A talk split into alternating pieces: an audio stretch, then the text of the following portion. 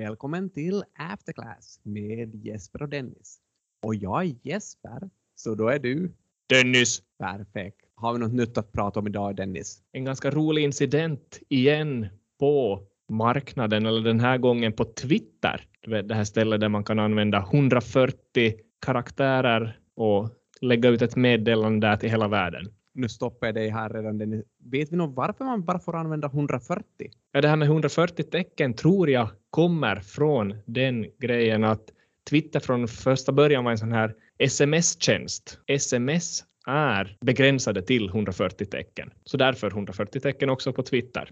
Och det har väl lite blivit synonymt med Twitter. Twitter sa du och någon hade twittrat. Vem var det som hade twittrat? Ja, det var väl världens rikaste man, Elon Musk, som sa ungefär att man borde inte använda WhatsApp längre utan appen Signal, eller Signal, skulle kunna användas istället. Då funderar man ju om en sån här framstående person rekommenderar någonting. Vad typ av signal ger det här till marknaden? Ja, signalen som ges om någon rekommenderar att använda appen Signal så är väl nog det att folk blir helt galna och går in och söker på, finns det något bolag, börsnoterade, som heter Signal? Så är det här någon missprissättningshistoria som du kommer att berätta om? Det fanns ett bolag med ticken SIGL, hette Signal Advance Incorporated i USA då. Det här bolaget hade i princip ingen omsättning, negativt resultat, väldigt illikvid, låg där och guppade kring 60 cent per aktie. Efter Elon Musks tweet får priset upp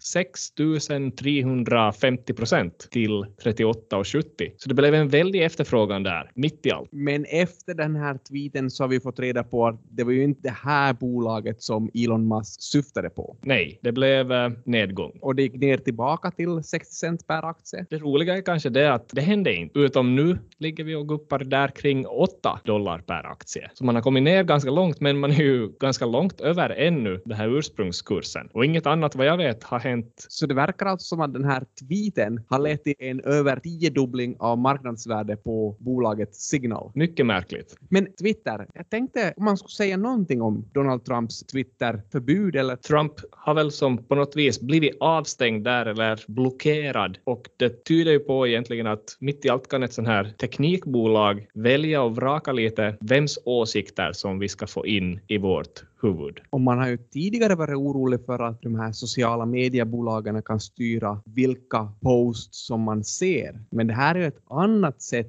på hur det styr vår vardag, eller kanske till och med styr hur vi tänker och hur vi ser på saker. Och visst var det så att det är ju inte bara Twitter som Donald Trump blev avstängd från. Nej, det handlar väl också om Facebook till exempel. Andra av de här stora techbolagen också. Du pratar om de här stora techbolagen, så de nämns ju ofta också när man pratar om investeringar, alltså de här FANG-bolagen. Vad betyder det där FANG? Så det är inte första bokstaven i fem olika bolag, men det är fem olika bolag som representeras av en bokstav. Så F för Facebook, A för Amazon och A för Apple, N för Netflix och G för Google. Och där är ju bolaget egentligen då Alphabet. Och de här bolagen tillsammans utgör faktiskt en väldigt stor del av det totala marknadsvärdet på den amerikanska börsen. De utgör över 20 procent av S&P 500s marknadsvärde. Så det blir någon form av marknadskoncentration där. Speciellt kanske också om man tar med Microsoft i leken. Jo, och du har ju helt rätt. Det är ju inte Netflix som är med där bland de här fem största. Netflix är med i FANG, fem största bolagen. Där är det ju Microsoft som är med istället för Netflix. Pratar man också om det här FAMG, då man byter ut Netflix mot Microsoft. Ja, kanske är det på så sätt. Men det är big tech i varje fall. Och de är stora. Och Större än Tesla. är det på så sätt att Tesla snart kvalar in till... Tesla har väl gått förbi Facebook, men har en lång väg kvar till Apple. Ja, så Tesla skulle egentligen ha fått vara med i det här. Ja, jag börjar Vi- fundera, men, men Tesla är ju på sätt och vis inte på samma vis en sån här opinionsbildare och, kan styra våra åsikter. Men i och för sig, i framtiden kanske de kunde styra våra åsikter lite mer. Har du någon idé om hur vi skulle kunna få Tesla att styra våra åsikter? Jag tänker lite mer så här, okej, Tesla, de gör då de här bilarna primärt. De har också de här andra, andra produkterna förstås. Men, men okej, bilar. Så hur får du reklam då du kör bil? Eller åsikter ipumpade i dig? Via radio kanske? Ja. Men den här gamla stilen är väl att ha sån här billboards, eller vad, vad heter det? Sån här stora reklamskyltar som man kör förbi. Ja, Och vad är din idé? Min idé är väl bara att Tesla, man har en Tesla-bil så har man en sån stor display i bilen. Så skulle inte man kunna börja inkorporera lite mer reklam och lite mer meddelanden på de här displayerna? Och att säga i en värld där alla har Tesla-bilar så skulle det vara väldigt effektivt att sprida budskap genom den där displayen. Och skulle man då kunna ha Tesla-bilar med reklam som är lite billigare att köpa och Tesla-bilar som är reklamfria som är lite dyrare? Till och med någonting sånt. Jag vet inte då om det, man skulle ta det så långt att om du köper en riktigt billig Tesla-bil så då jag är ute och åker till jobbet, säg att jag har 20 minuter till jobbet, så då har jag åkt 10 minuter, då skulle det bli reklampaus. Så då åker bilen lite till sidan och så är det fem minuter reklam och andra eh, politiska meddelanden. Sen åker jag vidare. Skulle det vara någonting så jag kommer till jobbet riktigt itutad med information och, och köpvilja. Vem vet? Men man har faktiskt forskat också kring det här med effekterna av marknadskoncentration. Inte marknadsföring i bil.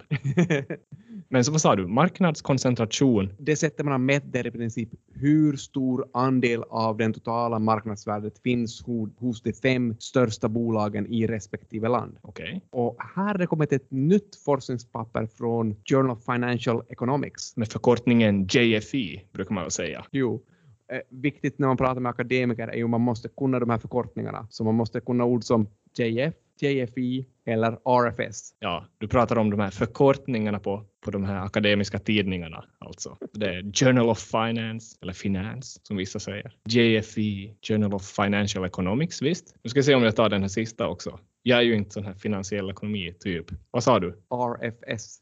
Review of Financial Studies. Ja, där satt den. Skulle jag klara mig i ett gäng av finansakademiker? Det enda du behöver kunna är de här förkortningarna och nicka och se övertygad ut. Nicka instämmande. Mycket bra. Problemet var här att de ville ta reda på om det här med en stark marknadskoncentration är bra eller dåligt för landet i fråga. Och de tittar speciellt då på BNP-tillväxten i landet. Så man har jämfört väldigt många länder här nu då. Jo, 47 olika. Och över tid. Ja, sedan 1989. Det man har kommit fram till är att när marknadskoncentrationen går från till exempel 10% till 20% en ökning på 10% enheter, så då minskar BNP-tillväxten med 0,67 procentenheter. Kom ihåg om man jämför det här med till exempel Finlands prognostiserade BNP-tillväxt på 1,1 procent så är det här en ganska stor försämring. Jo, alltså vi skulle nästan ha en halvering där då. Om vi skulle ha en väldigt, väldigt stora bolag som har väldigt hög marknadskoncentration då, då skulle vi kunna förvänta oss en mindre ekonomisk tillväxt. Ja, det var det här forskningspappret påstår. Så de påstår att det inte är något bra. Okej, så hur har vi det i Finland idag nu då? Har vi hög marknadskoncentration? Har vi någon sån här big tech-sektor?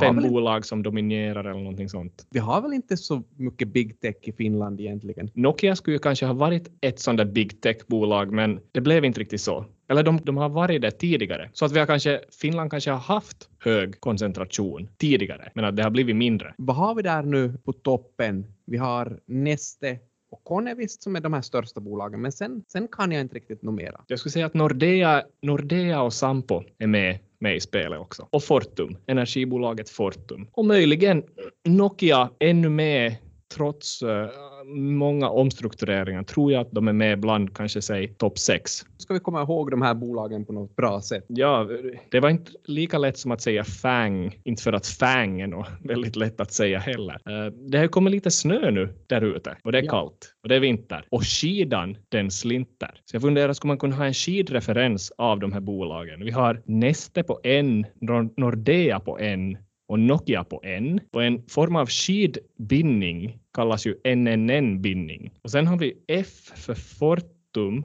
S för Sampo och K för Kone. Så S och K skulle kanske bli skidklubb och F fin Finlands. Så skulle man kunna ta sådana här 3N FSK, NNN Finlands skidklubb. Det skulle vara en minnesregel för marknadsdominans i Finland. Förhoppningsvis är den stabil nu när vi har utvecklat en sån här bra minnesregel. 3N FSK. Men vi har alltså ändå inte, det är inte så stor dominans av dessa Nej. att vi borde vara oroliga över BNP-tillväxt. Det finns andra orsaker varför vi måste vara oro- oroliga över BNP-tillväxten. Men det finns ju lite ljus i tunneln när det kommer till Finlands statsfinanser. Hörde du om nyheten förra fredagen? Ja, det tullen igen som är ute och skyltar med sitt bitcoin-innehav? Jo, tullen har nu gett ut ett pressmeddelande att de tänker avyttra sitt bitcoin-innehav. Och det här är då efter att de hörde vårt avsnitt. Vi misstänker det. En liten bakgrundshistoria är ju här att före vårt första bitcoin-avsnitt Avsnitt 12. så ringde jag faktiskt till tullen och funderade var de har de här sina bitcoins och vad de har tänkt göra med dem. Ja, just det. Vi ville ju ha någon slags intervju där med någon från tullen, men vi tog eh, Klaus Gråbys istället. Och är det så att det här samtalet kanske satte kugghjulen i snurrning? Om en fjäril kan orsaka stormar, Då kan nog after class skapa avyttring av bitcoins. Och det var ju uppe nästan i 60 miljoner, det här värdet av det här innehavet. vad är värdet just nu om du tar reda på det? 57 miljoner. Att det, det svänger ju lite, så förhoppningsvis säljer man det här på rätt dag. Det var ju faktiskt ganska intressant här, här nyligen. Var det, Bitcoin, inte- var det inte så att det var en stor bitcoin-krasch? ja, Bitcoin kraschade ju faktiskt riktigt ordentligt här nyligen. En krasch på 30 procent. Man kom alltså ner till du vet, nivåer som man inte hade sett på tre dagar. Så man gick tre dagar fra, bakåt med 30 procent. Jag tycker det, det, det är på något vis talande det här. Då. Man måste sälja det här på rätt dag. Men hur ska man sälja då? Man måste väl anlita någon typ av kryptobörs. Det finns en amerikansk stor kryptobörs, Coinbase, så kanske man ska gå till den börsen. Ja, just det ja. Coinbase. Jag går in och kollar där. 35 miljoner användare. Så säkert finns det folk som vill köpa bitcoin där.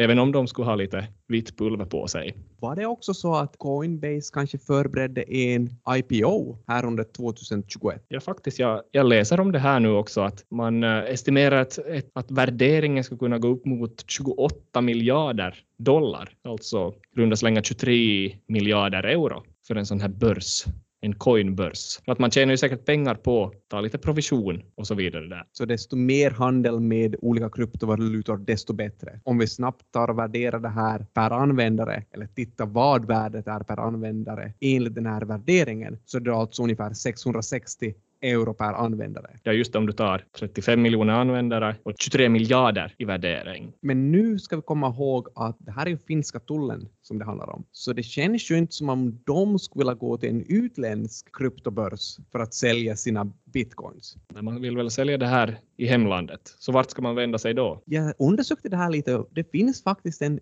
finländsk kryptobörs, Coinmotion. Jag läser här på deras hemsida att de har 100 000 användare. Nej, vänta nu. Det är om jag har finska som språk. Om jag byter språk till engelska så står det att de har 60 000 användare. Kan det vara så att ökningen i användare är så pass snabb här alltså att man knappt hinner uppdatera de olika språksidorna? Så säg 100 000 användare. Kom ihåg här att om en användare är värd 660 euro, så om man har 100 000 användare så det blir ju 66 miljoner. Ja, just det. Om man, om man använder multipeln från Coinbase på Coinmotion. Så Co- Coinmotion skulle vara värt 66 miljoner euro. Vet du vad som det ännu ro roligare är här? Berätta. Man kan faktiskt köpa Coinmotion-aktier på Privanet. Så Okej. vi har ett marknadsvärde som vi kan jämföra med. Så vad ska vi jämföra med? 66 versus 15 miljoner. Det låter som ett kap. Det kan finnas många olika orsaker till den här skillnaden, men åtminstone så tror marknaden att en Coinmotion-användare är värd mindre än en Coinbase-användare. Alltså mycket mindre. Kanske finländarna handlar mindre fram och tillbaka. Men det kan ju bli liv i luckan då tullen börjar sälja. Eller lite funderar om man, om man gör mycket pengar på det här med bitcoin då, att det ska ju säkert skattas för det här också. Hur funkar den biten? Så om man köper en bitcoin och säljer den dyrare, så då beskattas det på samma sätt som en aktie beskattas om man köper en aktie och säljer den dyrare. Det blir alltså kapitalskatt. Ja, så man börjar med 30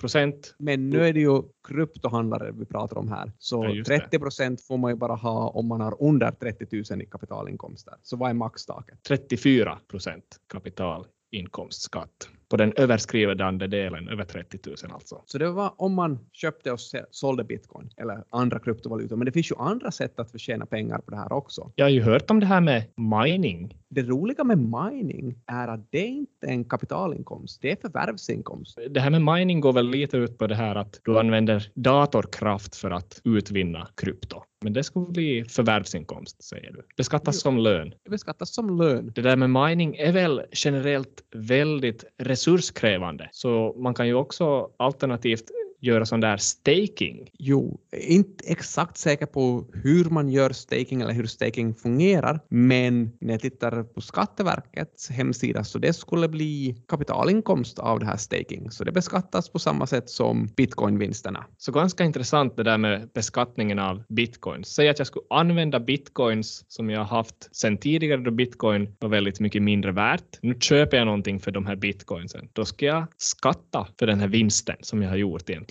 Det blir ju på det här sättet eftersom bitcoin inte ändå är vår valuta. Det skulle ju inte komma på tal om att samma sak skulle hända med euro då eurons kurs har gått upp. Ja, det här var lite konstigt. Men var det inte så att Elon Musk också twittrade om att han skulle vara beredd att ta betalt i bitcoins? Visst var det någonting sånt? Jo, kanske det skulle vara någonting för oss också. Så om man vill sponsorera Afterclass så då vill vi ha betalt i bitcoins. Så kan vi säga. Vi återkommer nästa vecka med nya insikter i After Class.